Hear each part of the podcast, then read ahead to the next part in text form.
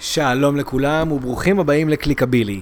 בעידן הדיגיטל בו אנחנו חיים היום, המרחק בין עוד יום רגוע וסבבה למותג מסוים ועד למשבר שתוך דקות יכול לזעזע את כלל הציבור הוא קליק אחד. מנהלי שיווק, אנשי דיגיטל ובעלי עסקים צריכים לדעת שמשברים יכולים לקרות בין אם זה בגלל תלונות של לקוחות, חשיפה של התקשורת או סתם בגלל קמפיין לא מוצלח. זה קרה, קורה ויקרה. השאלה היא איך מתמודדים עם המשבר ולא מחריפים אותו בגלל התנהלות לקויה. בדיוק בשביל לדבר על משברים ברשת, האם כל פרסום הוא חיובי, על שיימינג לעסקים ועל פתרון משברים, אני שמח לארח את אסף שמואלי, הידוע גם כמשבריסט. המשבריסט הוא בלוג פופולרי שעוסק במשברים ברשת, ואסף הוא בהחלט הבן אדם שאתם רוצים שיהיה בצד שלכם ברגע שפורץ משבר. הדרך הכי טובה להתמודד עם משבר, לא להגיע אליו. אבל אם כבר זה קורה, בפרק הזה תמצאו המון טיפים שיעזרו לכם לצלוח את הסיטואציה. תהנו. אסף, מה העניינים? טוב, תודה, מה שלומך? בסדר גמור, איזה כיף שאתה כאן. תשמע, הפרק הזה הולך להיות פרק מעניין, כי אנחנו הולכים לדבר על, על משברים ועל שיימינג ועל כל מה שקשור לאיך בעצם אה, אה, עולם הדיגיטל מסת, מתייחס למשברים, והסיבה שזה הולך להיות כל כך מעניין, היא כי אנחנו חווים משברים כאלה ביום-יום, ממש לא מזמן היה לנו איזה סרט אה, עם פיצה דומינוס, וההתייחסות של זה ברשת, אנחנו ניגע גם בזה. אה, אבל לפני שאנחנו צוללים לעניינים, בוא תספר ככה בכמה מילים עליך. אסף שמואלי, 42, אשקלוני במקור, ואת זה כנראה לא יוציאו ממני לעולם. אה, אחרי שלוש שנים בגלות גבעתיים מצאתי את עצמי בגבעות של מודיעין, ולא רע לי פה. אה, אני אבא לשני ילדים, נשוי למימי, יש לי ג'ואנה מזדקנת למטה, אה, גולדנית, וזהו נראה לי ברמה האישית שלא מעניין את אף אחד. אז בוא נעבור לרמה המקצועית. מה זה המשבריסט? המשבריסט זה בלוג, המשבריסט זה עמוד פייסבוק, המשבריסט זה מרכז ידע לכל התחום הזה של שיימינג ומשברים ברשתות חברתיות. המשבריסט זה, גיליתי שזה גם קהילה וגם קונספט וגם שירות שאני מעניק באופן אישי למותגים, עסקים, ארגונים, בין אם מדובר בניהול משבר ברשת, בין אם הוא זולג לתקשורת. בין אם מדובר בייעוץ ובין אם מדובר בטיפול באירועי שיימינג שהם לא משברים, אבל הם uh, עדיין מציקים. אה, אז בוא באמת, אתה יודע, נעשה קצת drill uh, down לעניין הזה. בעצם מאז שיש לנו את הרשתות החברתיות והאצבע קלה על ההדק, מה שנקרא, אין שום בעיה לאנשים פרטיים, או אפילו לחברות עצמם באיזשהו מקום, ליצור משברים.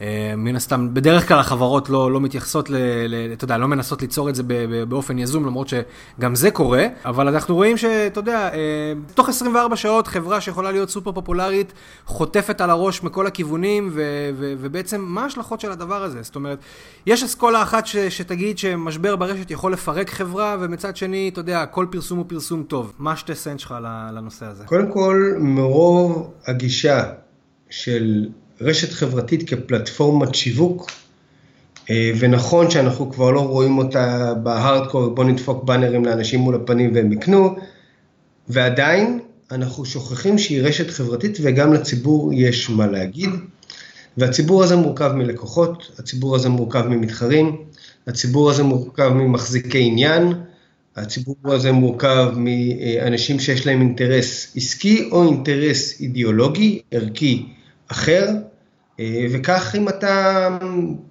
מסעדה ש... בוא ניקח דוגמה, אם אתה זוגלובק אז אה, אתה חוטף מטבעונים, ואם אתה, אה, כל חברה אחרת, רק name it, תמיד תמצא מישהו שיהיה לו משהו לומר, ואנחנו בעצם חיים במציאות של שיימינג, שזה ביוש אדם, ארגון או מותג באמצעות הרשת החברתית. שימו פאוז, זאת לא בריונות רשת של בני נוער שהעליבו אותי או שאמרו לי משהו כזה ופרסמו לי ברבים. יש הבדל משמעותי בין בריונות רשת לבין שיימינג, אגב כתבתי על זה מאמר והצעתי מודל שמבחין בין שתי התופעות האלה וכך הרבה יותר קל להתמודד איתן. אה, אה, אני אה, אאמלק לך אותו, זה מבחן הכוונה. מה זאת אומרת? אם הכוונה שלי היא לתקן עולם, לתקן תופעה לא רצויה, אני בתחום השיימינג, אני במתחם השיימינג, ואם אני, המטרה שלי זה לפגוע, להעליב, להרוס, להשפיל, להשמיץ, להשתיק, להיות בריון בעולם הרחב, רק לשעתק את זה לתוך תחום הסייבר, לתוך תחום הדיגיטל, אני בתוך אה, מתחם בריונות הרשת. עכשיו, מה, למה זה מעניין אותנו? כי בדרך כלל בריונות רשת לא הופכת למשבר. שיימינג כן יכול להפוך למשבר, כי שיימינג אני מבייש, אבל אם אני מבייש אותך ואתה, ניקח את הדוגמה הקלאסית, מסעדת בשרים, ואני טוען שאתה רוצח חיות ואת כל הדברים הרגילים שאם אני הייתי מחזיק בגישות טבעוניות וזאת תפיסת העולם שלי, והיא לגיטימית לחלוטין, אומר עליך, עדיין הקהל שלך ואתה לא בהכרח היית נפגע מזה. איפה כן היית נפגע מזה?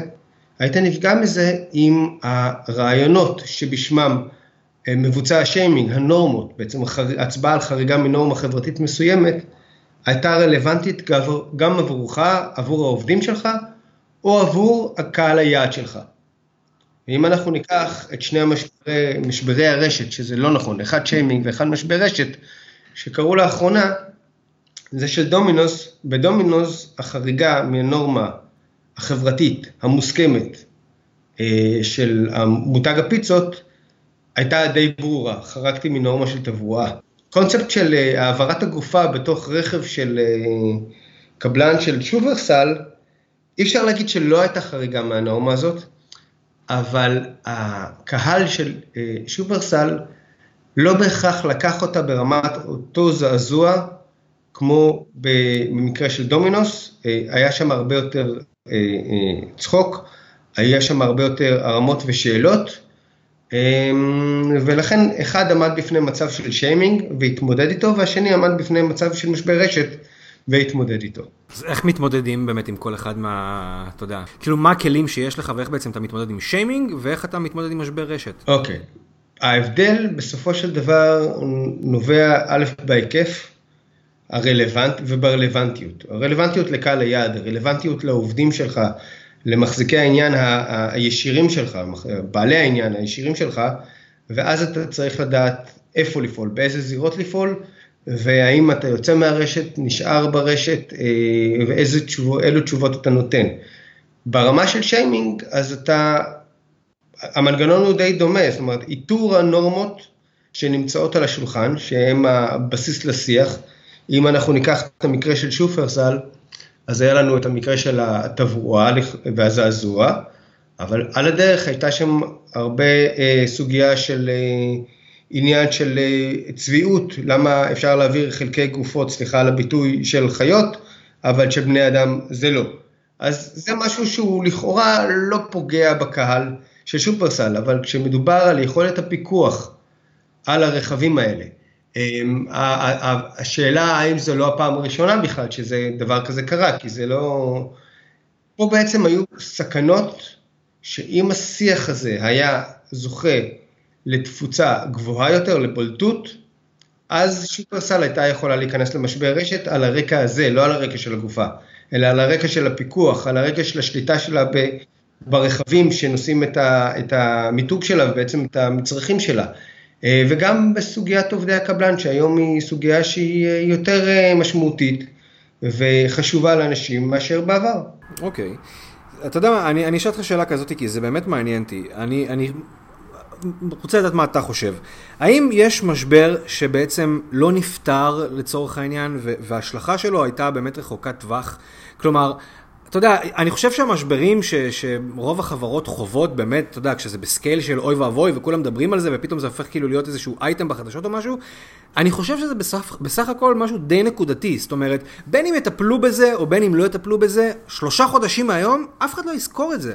אתה יודע, כאילו, אנחנו לפעמים אומרים, וואו, חייבים עכשיו להגיב ולטפל באיזשהו משבר, אבל בתכלס, חוץ מלהרגיע רגע את, ה, את האמוציות בזה הרגע, אני לא באמת יודע או, או, או, או בטוח אם, אם יש לזה השלכות כאילו ארוכות טווח. אני לא יודע להגיד לך אם יש לזה השלכות ארוכות טווח, כי זה מאוד תלוי בשוק, בתחום, ברמת המתחרים, אבל, אחד, אנחנו שוכחים, ואנחנו שוק קטן, אנחנו לא הברית.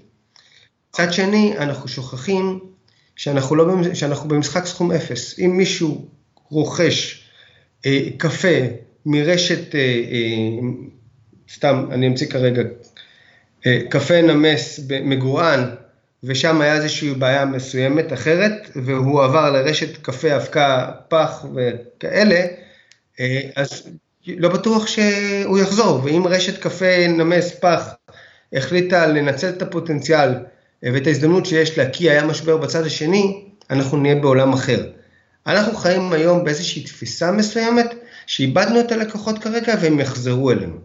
זה לא בהכרח עובד כך. נכון. אני רוצה להחזיר אותך שנה וחצי אחורה, למשבר רשת של אה, יין בעיר, שהם הלכו למהלך פר, שיווקי, פרסומי, אישית הוא מאוד לא ברור לי, אה, אה, ובו בעצם הם יוצאו עם שתי מודעות של אחת של אישה והשני של גבר, שמדבר על כמה, אני לא זוכר את המינוח המדויק, תכף אני אמצא לך אותו פה ב, ב, ב, ברשת, אבל בעצם טענו שהם מחזרו, ממחזרים בני אדם, זאת אומרת כמה עברו עליה לפני החתונה, והוא גם היה לו משהו כזה, והחנויות של יין בעיר היו ריקות לפני החג הכי בולט בשנה, ראש השנה, ופסח הם שני החגי האלכוהול הגדולים שלנו בתרבות הישראלית, והחנויות שלהם היו ריקות. עכשיו, גם אגדיר, שכולם מדברים על המקרה שכולם זוכרים אותו אה, וכן הלאה, עברו שלוש וחצי שנים, עוד מעט, שלוש וחצי שנים מאז אותו מקרה.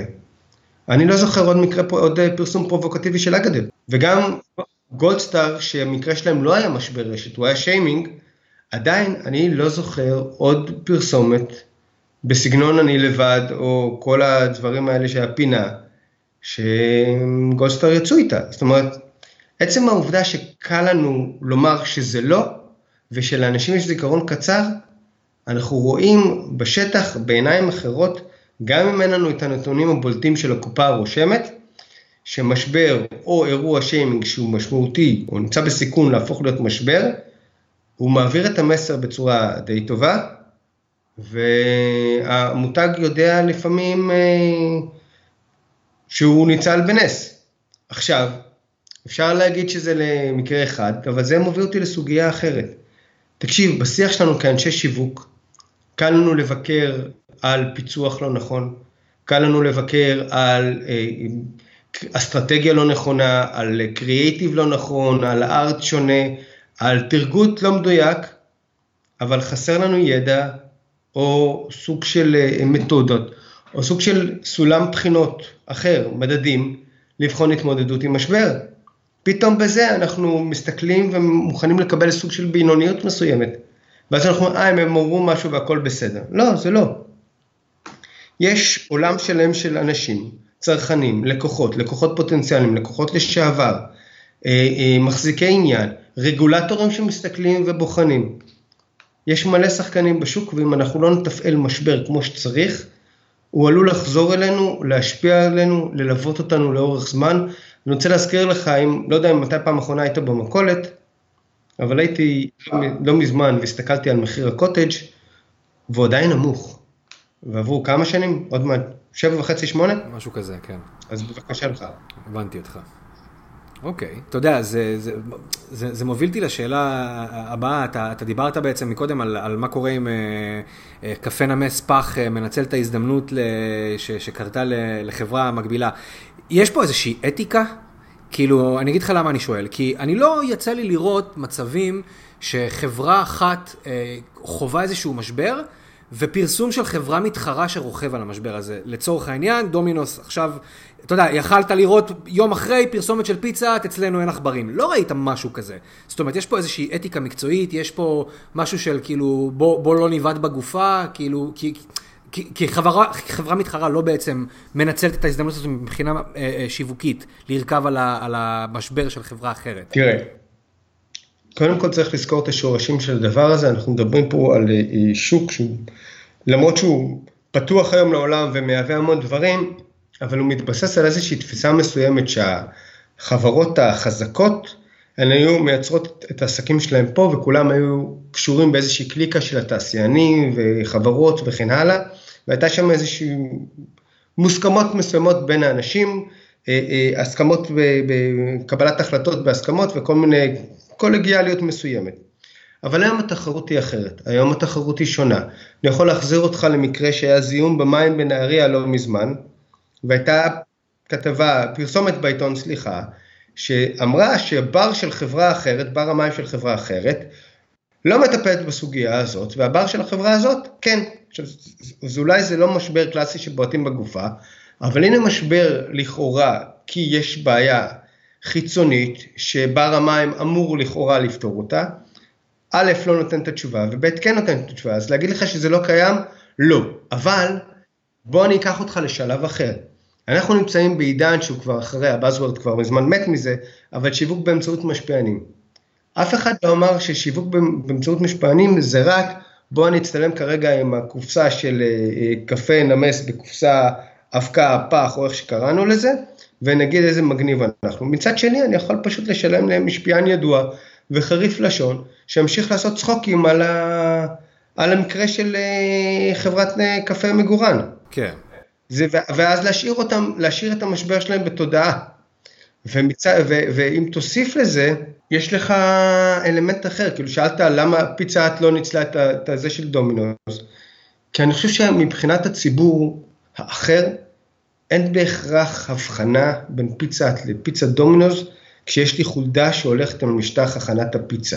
אני נגעל כרגע מפיצה, לא בהכרח מעניין אותי האם אצלם זה ככה ואצלם זה ככה, אלא אם, אלא אם דומינוס היו פותחים את החלונות ולא סוגרים אותם כמו שהם סגרו בסניף, מייצרים סוג של מהלך מסוים שמראה עד כמה הם עוברים מהפכה, לחלוטין. תאר לך שבתוך 24 שעות הסניף הזה היה מחוטא ברמה של בית מרקחת, והחלונות היו פתוחים, וכל זה היה מצולם, ויוצא החוצה, אז קודם כל לפיצה או לפיצה מספריים, לא רוצה כרגע לקחת אה, איזשהי אה, כיוון לאנשהו, לא היה קייס מצד אחד, מצד שני דומינוס היו יוצאים מזה בצורה אחרת. הם לא היו סוחבים את הגיבנת הזאת כל כך הרבה זמן. כי בסופו של דבר, כשהם מדברים על זה שסגרו את הסניף, אנשים, ודיברתי עם לא מעט אנשים מחיפה, אמרו, על מי הם מדברים? על מה הם רוצים להגיד? משרד הבריאות סגר להם את הסניף בכל מקרה. אוקיי, מעניין. אז uh, דומינוס זה משבר שנפתר? כי בסך הכל, אתה יודע, ראינו את, את המנכ"ל לוקח אחריות, בא, מדבר, לא, לא בורח, לא מאשים אף אחד אחר. Uh, אתה יודע, וכאילו יוצא, יוצא בסדר, כמו שאומרים. קודם כל, התשובה בסופו של דבר, דומינוס יודעים אותה הכי טוב. ברמת המכירות. אתה יכול, אם יש לך ממש ממש זמן פנוי, אתה יכול לשבת סביב אה, סניף ולראות כמה משלוחים יוצאים. אם היה לך זמן פנוי לפני המשבר, ולראות כמה משלוחים יצאו, ואז לעשות את ההשוואה. אבל אני לא חושב שהמשבר ההוא נפתר. המשבר ההוא אולי עבר בתצורה מסוימת. אנשים עדיין יכולים להיות פגועים, ואם תעקוב אחר הפוסט שליווה את סרטון הוידאו, ותעבור על התגובות ותקרא אותן, יש שם לא מעט תגובות, תראה שחלק גדול מהן כן, ראיתי. מביעות חוסר אה, אמון, חלק גדול מהן מציעות בעיות אחרות, ואם אני אזכיר לך, כן. הוא אמנם אמר את המילים הנכונות, היחצניות הנכונות, אבל הוא לא אמר בדיוק מה נעשה שנמצא בתחום אחריותו. זה שהם סגרו את הסניף זה ידוע, זה ברור, לא הייתה להם ברירה כל כך.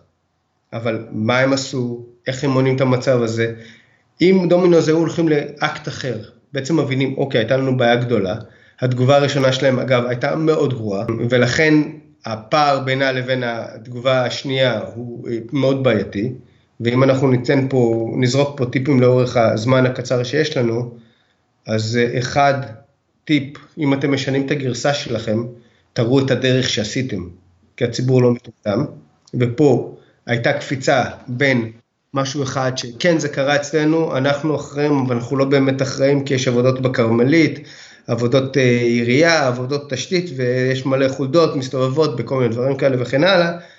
ואז כשאתה נותן תגובה כזאת, היכולת שלך לפתור את המשבר היא מאוד מצומצמת, כי אתה בעצם זרקת את האחריות על מישהו אחר. ועד שהוא לא פותר את הבעיה, אתה לא יכול לפתור את הבעיה, אז מה בעצם אתה אומר לציבור שלך? אתה בבעיה, כי אתה לא יכול להגיד להם, אוקיי, עכשיו אני נקי, עכשיו אני בסדר. עכשיו אם דומינוס היו לוקחים את המקרה הזה, ודומינוס זה אפשר לומר בעדינות שזה סוג של בית מרקחת לפיצות, זה לא, זה מה שקרה שהוא באמת חריג. אבל הם היו לוקחים את הדבר הזה והולכים בכל הארץ, ובעצם בוחרים סניפים ומראים עד כמה הם לקחו את העניין הזה קשה ומשפרים ועושים וכן הלאה ומציפים את המשבר שלהם דווקא במקום אחר, כי בכל מקרה לא הייתה להם ברירה, הם לא היו במצב של להסתיר, אי אפשר היה להסתיר דבר כזה. אי אפשר להצניע, כמו שהם ניסו אולי בשלב הראשון, שהם לא הגיבו ברשת, אבל הם הגיבו רק לכלי התקשורת. כל העולם מדבר על זה, אתה לא יכול להצניע את זה. כן. הם לוקחים את זה ודווקא משחקים על הכלי הזה כדי להפגין את השקיפות שלהם, להפגין את האחריות שלהם, להפגין את, ה, את האומץ ואת ה, את המחויבות שלהם, אז הם היו במקום אחר.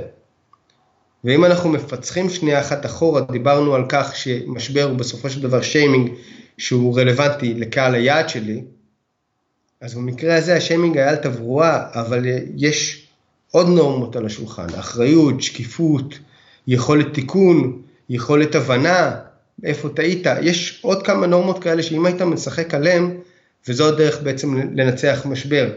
להגיד, אוקיי, פה חטפתי, אתם צודקים, אין ספק, לא הייתי בסדר, אבל זאת לא הנורמה היחידה, יש עוד נורמות על השולחן, וכשאתה צריך לקדם אותן, אתה צריך לשחק בהן.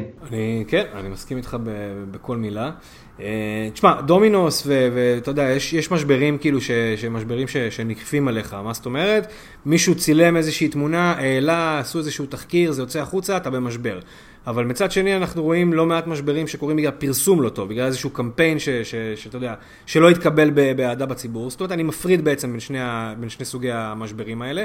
אה, והשאלה שלי כזאת היא, אתה יודע, אנחנו יודעים שיש המון חברות שיש להן, מחלקת השיווק שלהם עובדת אינהאוס, אבל יש גם המון, אה, המון אה, עסקים וחברות שמוציאים החוצה למשרדים בעצם את כל השיווק שלהם.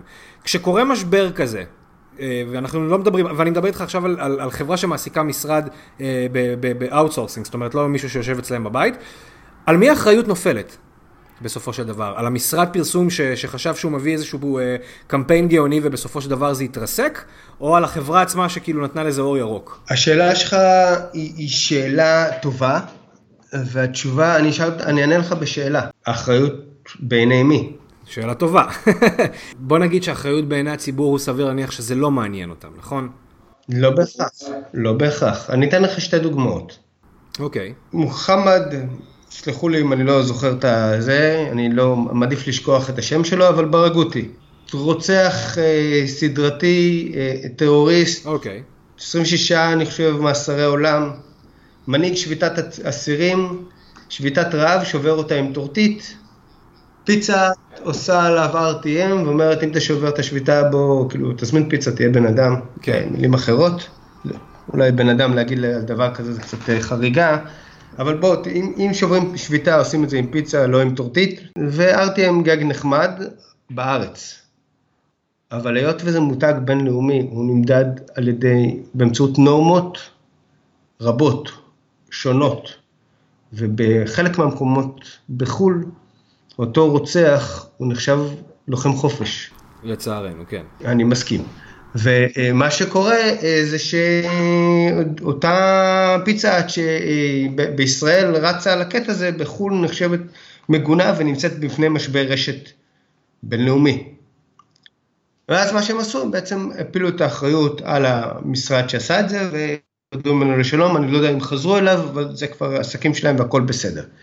אז הם הפילו את זה על האחריות שלהם. האם הציבור בחו"ל ראה את זה שזה הפתרון? אולי זה היה מוצא קל, כי בסופו של דבר הייתה פה איזושהי מחאה מסוימת, כי היו פה מחזיקי עניין, לא בטוח שהייתה מצליחה, אני לא יודע עד כמה קהל מוסלמי בעצם יכול להחרים פיצה שהוא לא תמיד חלל בכשרות שלו, אה, אני לא יודע, אני לא נכנסתי, לא טיפלתי במשבר שלהם.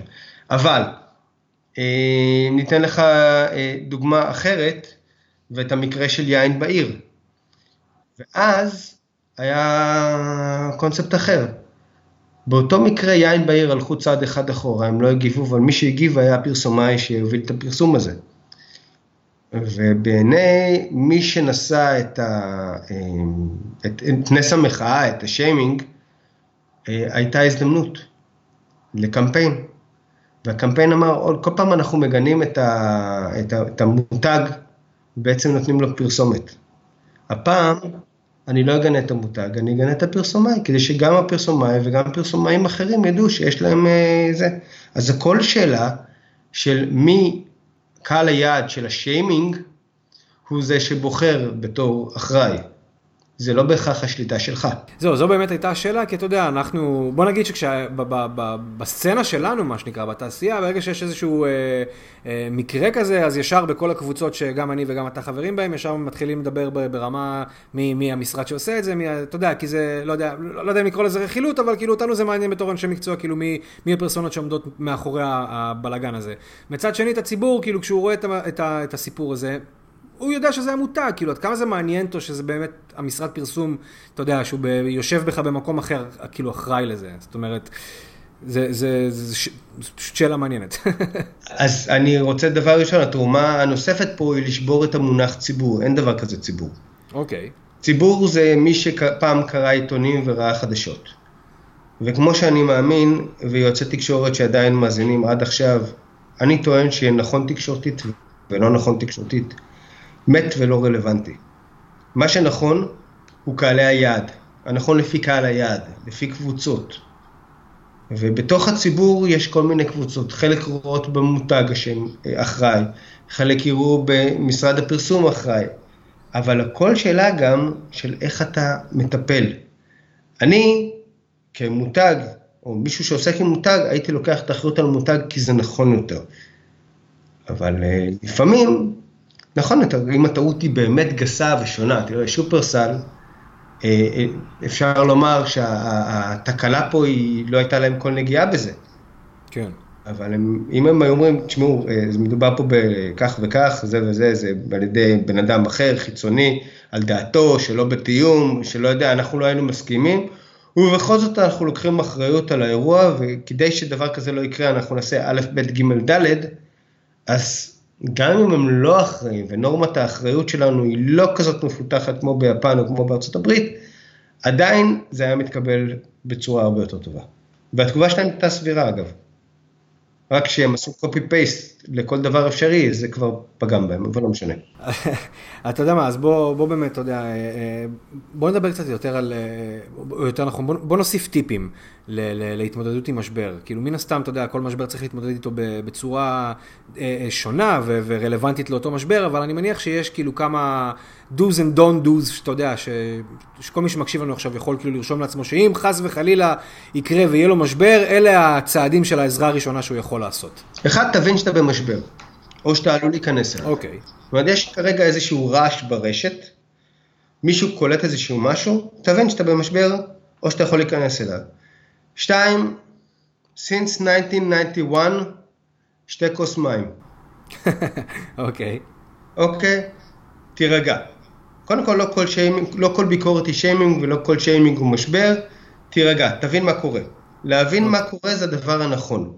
לא רק להבין מה קורה, להבין סביב מה אתה מבויש.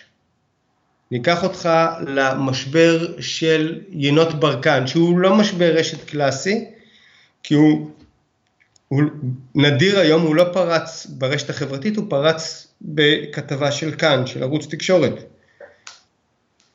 כל השיח כמעט נעשה, רוב השיח, חלק מהותי מהשיח נעשה ב, ב, ברשת החברתית, אבל החשיפה הייתה בכאן, בניגוד לפוסט שכרגע מגולל איזשהו משהו ואז הוא מתחיל לרוץ ברשת.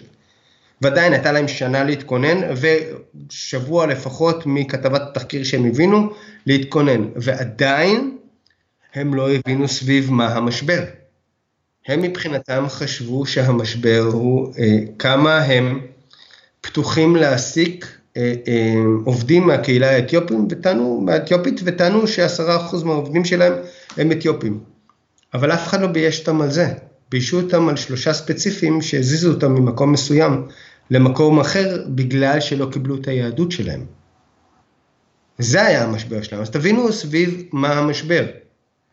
וזה יכול לעזור לכם. אגב, תבינו גם איפה אתם לא בסדר. לא בשביל בהכרח להתנצל, אלא כדי למנוע מכם את המקרה הבא, המקרה הראשון, הראשון שטיפלתי בו.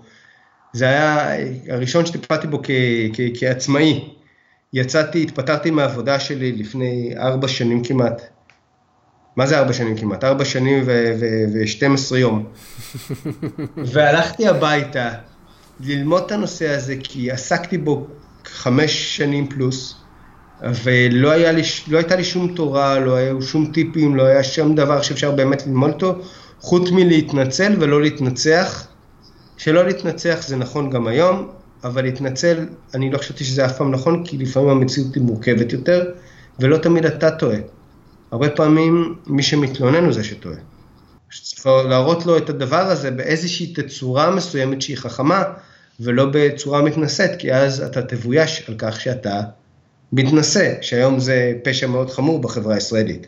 והלכתי הביתה וחקרתי ובדקתי ו- וצללתי, ומפה גם אגב בא הרעיון לפתוח בלוג, ואי שם שמעתי שיש איזשהו אה, עסק שנמצא כרגע תחת שיימינג, והלכתי אליו, אפילו לא ידעתי למכור את עצמי בכלל. באתי למלצר ואמרתי, שמעתי שיש לכם פוסט אה, נורא בפייסבוק, אני עוסק בזה, נתתי לו כרטיס וברחתי, ממש לא ידעתי, לא, לא ידעתי לדבר בכלל, כאילו כעצמאי פעם ראשונה, לקוח ראשון או משהו בסגנון כזה, קיבלתי טלפון וזה. העסק צדק והלקוח טעה. אבל המלצתי לעסק להבין איפה הוא לא היה בסדר. וגילינו באמת שהוא היה יכול למנוע את המשבר הזה אם היה לו איזשהו משהו פשוט כמו טופס הזמנה, שבו מוגדר איש קשר אחד ולא שלושה. אז קודם כל היה לו משהו לתת.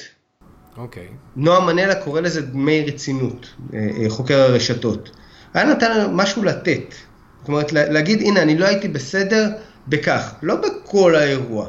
בזה אני לא הייתי בסדר ואני לוקח לעצמי את האחריות לחוסר התקשורת שנגרם כתוצאה מה-X. וזה עוזר, זה עובד. אז קודם כל, לראות איפה אתה לא בסדר. לנהל, יש לך מלא אופציות לנהל את המשבר שלך. מלא אופציות להעביר מסרים, כי זה דיגיטל. לא רק בכלי התקשורת, תשתמש בהם.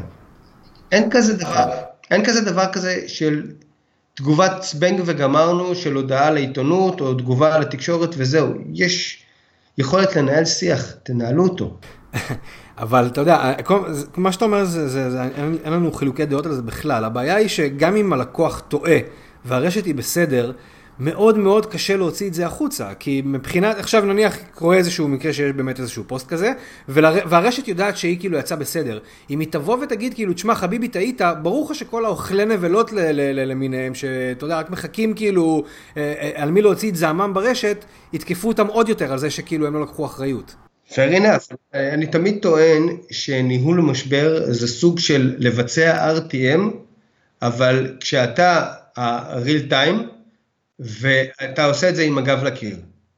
אני לא, לא טענתי לרגע שזה משהו שאפשר לעשות out of the bloom בלי להבין מה אתה עושה. בגלל זה אני טוען שזה תחום מקצוע שהוא נפרד מייעוץ תקשורת והוא נפרד ממדיה חברתית והוא מכיל את שתי היכולות האלה ואת שתי הגישות האלה וצריך פה לספר, לדעת לספר סיפור.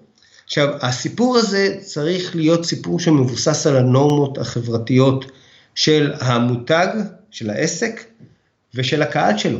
סתם לדוגמה, אה, איך אני, אתה, אתה מדבר על איך אתה, משהו שאתה טועה, שהציבור טועה, יש, יש מלא דוגמאות למקרים שבהם ציבור טעה והצלחת להעביר אה, אה, משהו. אתה יודע מה? הנה, בבקשה, אני אתן לך את המקרה הקלאסי, שהוא זה ששכנע אותי סופית, שאני אגיד משהו ואני מקווה שאנשים יבינו את זה, שהאסימון נפל.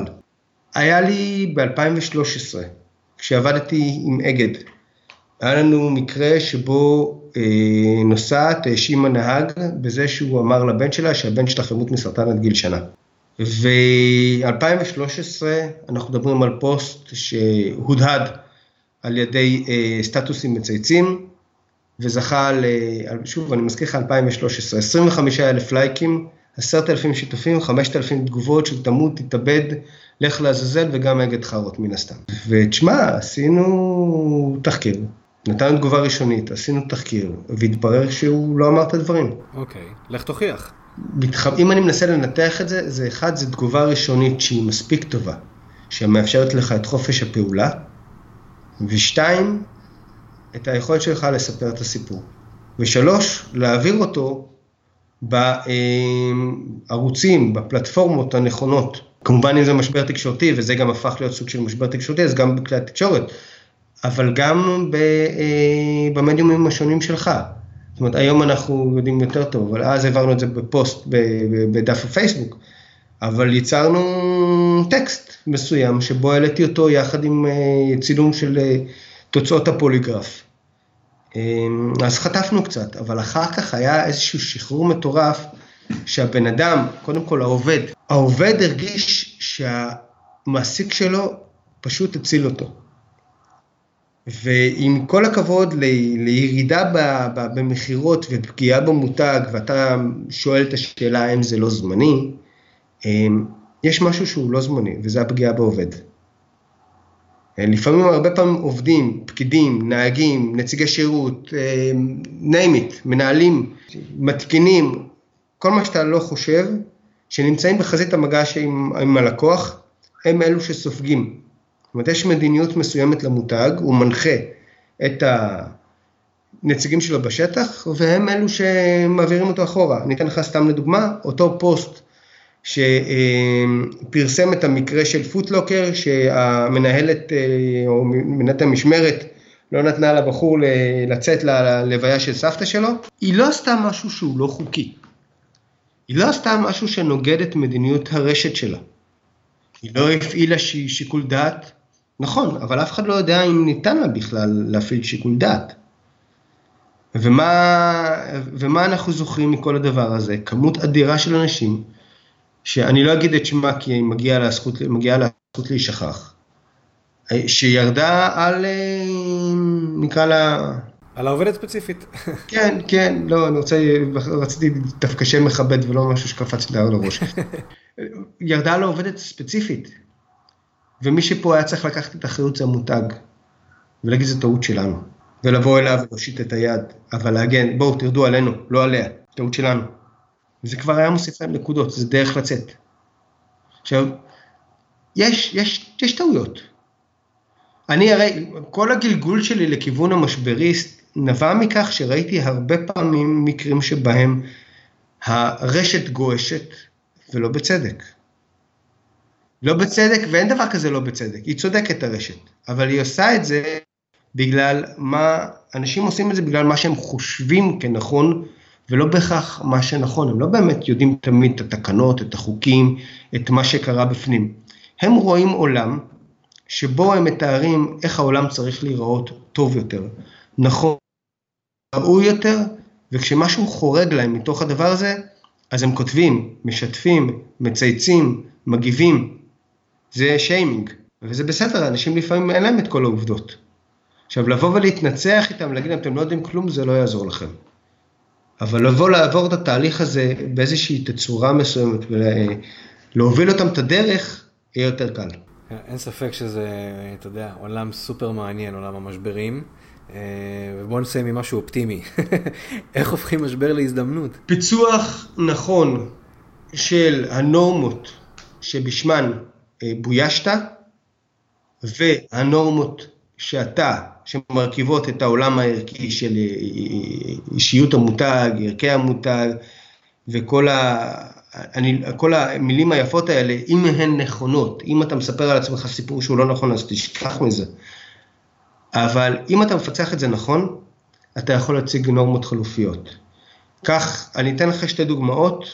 אחת, היה, אחד של שיימינג, אה, אה, אתן לך שלוש דוגמאות, קצרות.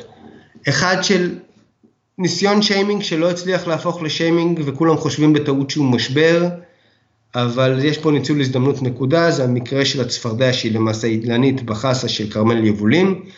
שהם בושו על חריגה מנורמה חברתית ראויה של לא ייכנס מזיק לתוך חסה. לגיטימית לחלוטין.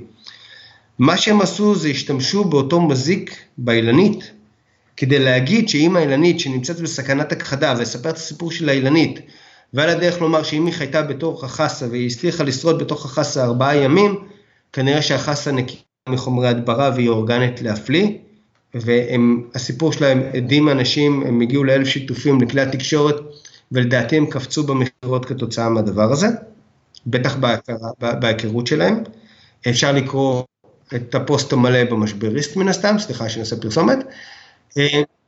דוגמה נוספת שהיא הביאה אותי למונח של shaming turnaround, זה, זה המונח שאני קורא לו, איך אני בעצם הופך שיימינג, אני עושה היפוך לשיימינג, זה המקרה הנפלא, אני אתן את הקרדיט, ל, אני חושב שישראל, אבל המשרד שעשה את זה זה פה לאוזן, של קסוטו, אה, והם בחוסר תשומת לב העלו אה, קמפיין שבו היה כתוב, רוצים עכשיו, אל תתפוס אותי במילה, לנסוע לשאן, לשאן אליזה, ואנשים צחקו עליהם, העלו את זה לאבא ואמא בני דודים, ו- וצחקו עליהם, אבל מה שהם עשו, הם אה, לא, לא, לא קברו את עצמם, הם הלכו למותג, השיגו כרטיס חינם ואמרו, תקשיבו, תפסתם אותנו, הצחקתם אותנו, ובואו מי שיצחיק אותנו הכי הרבה יקבל כרטיס אה, חינם לשאנזליזה. מה הם ייצרו פה? אמרו אוקיי, אנחנו לא טעינו, אנחנו יודעים להודות בטעות. זה מאוד נדיר שחברות אה, כאלה בסדר גודל כזה מודות בטעות, בדרך כלל אנחנו רגילים שהן ממש משתבללות ומתקרנפות. ודבר שני, הם הפגינו ספונטניות של טיסות, של צ'רטר, טיסות לחופשות סדירות של סוף שבוע, משהו כזה, החלק של הספונטניות הוא מאוד חשוב. והם הפכו את השיימינג הזה לאקט מכירתי עם חשיפה הרבה יותר גבוהה. לכן אני קורא לזה shaming turnaround, וסיפור אחר לחלוטין, של דוגמה, זה היה את המקרה של הפלסטיק בחסה. אותו וידאו מ-2014 שעלה שוב ב-2018 ושודר במהדורה העברית והגיע בוואטסאפ ובפייסבוק ובכל מיני מקומות ופגע לאנשים בפרנסה, אנשים שהם מגדלים חסה. אוקיי, לא רק כרמל יבולים, אלא עסקים שלמים, ולא רק מרינה ולא רק עשבי אה, אה, גוש קטיף וכן הלאה, עסקים שלמים, משקים שלמים שנתקעו כתוצאה מהדבר הזה, ומשק אחד שקוראים לו זנזורי, העלה סרטון שאף אחד לא היה רואה אותו, אנשים היו נוטשים אותו אחרי חמש שניות במקרה הכי טוב. הוא היה יבש, הוא היה נורא, ראו בו עיקר פגוע, שמרוב שזה שהוא פגוע הוא לא מצליח לדבר בכלל, ומסביר בעצם שזה אפידרמיס, אבל לא, לא סרטון ש, שהוא שיווקי או ויראלי, אבל מה שהכניס אנשים לקרוא את הדבר הזה זה הטקסט שהבת שלו כתבה. והיא אמרה, בואו רגע נרד שנייה, היא לא, היא, בלי לדעת מה היא עשתה, היא עשתה את הדבר הכי נכון. היא אמרה, החקלאות הישראלית, זאת הציונות והיא כרגע בסכנה.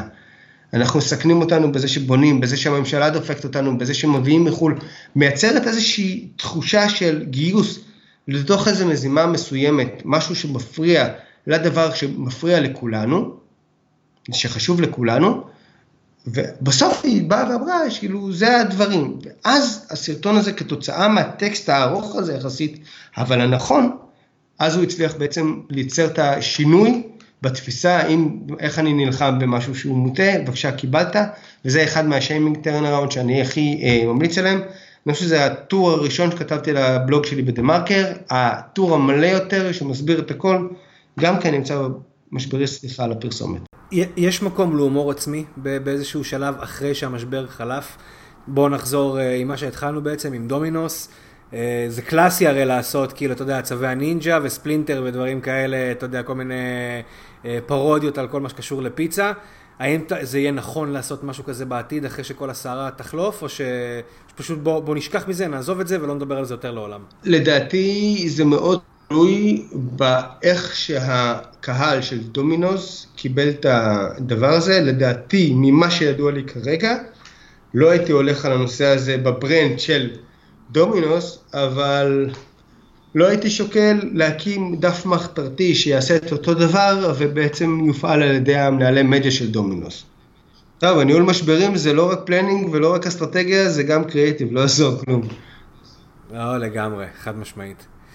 אסף, תשמע, היה סופר מעניין, אה, ובעיניי זה נושא מרתק, כל הנושא הזה. אה, ואם אתם אי פעם יש לכם איזשהו משבר שנתקלתם, אז אה, אסף הוא לגמרי הכתובת בשבילכם. ואני מאחל לכם שלא תצטרכו אותו. אבל רגע, אחד, אני רוצה לומר משהו ברשותך. בקרוב מאוד, במרץ, אנחנו חוגגים ארבע שנים למשבריסט. ואנחנו הולכים לעשות אירוע, שכרגע אנחנו מחפשים לו את המקום בתל אביב, אבל כבר יש הולכות להיות בו, אף אחד לא יבוא לי, אה, אה, לחגוג איתי אה, ארבע שנים לאירוע שלי, גם אני לא, אז אנחנו מביאים אנשים עם תוכן, וחוץ ממני יהיו שם אנשים נפלאים שיציגו משברים נפלאים שהם טיפלו בהם, ושווה שווה בקרוב יצא פרסום על זה, שאנחנו נסגור את המתווה הסופי סופי סופי ואת המקום. ארבע שנים למשבריסט, תאריך כבר יש, ה-13 לשלישי, תבואו. אז כל מי שרוצה עוד פרטים על זה, אה, אנחנו כמובן, אתה תהיה מתויג בפוסט, אפשר לפנות אליך ולשאול שאלות, אה, ותענוג. אה, אסף, המון המון תודה אחי על הזמן. המון תודה לכם, לך. בשמחה, ואתה יודע, אנחנו... תשמע, זה, המשברים אף פעם לא נגמרים, אני, אני בהחלט רואה בעתיד עוד פרק שאנחנו מנתחים משברים כאלה ואחרים, כי אין מה לעשות, הכוח הוא בידיים של הגולשים, וכמו שאמרנו, האצבע קלה על, על המקלדת, מה שנקרא. אני חושב שאלו שני המשפטים שהם משפטי מפתח פה. כן, לגמרי. בסדר גמור, אחי, תודה רבה. בכיף, תודה.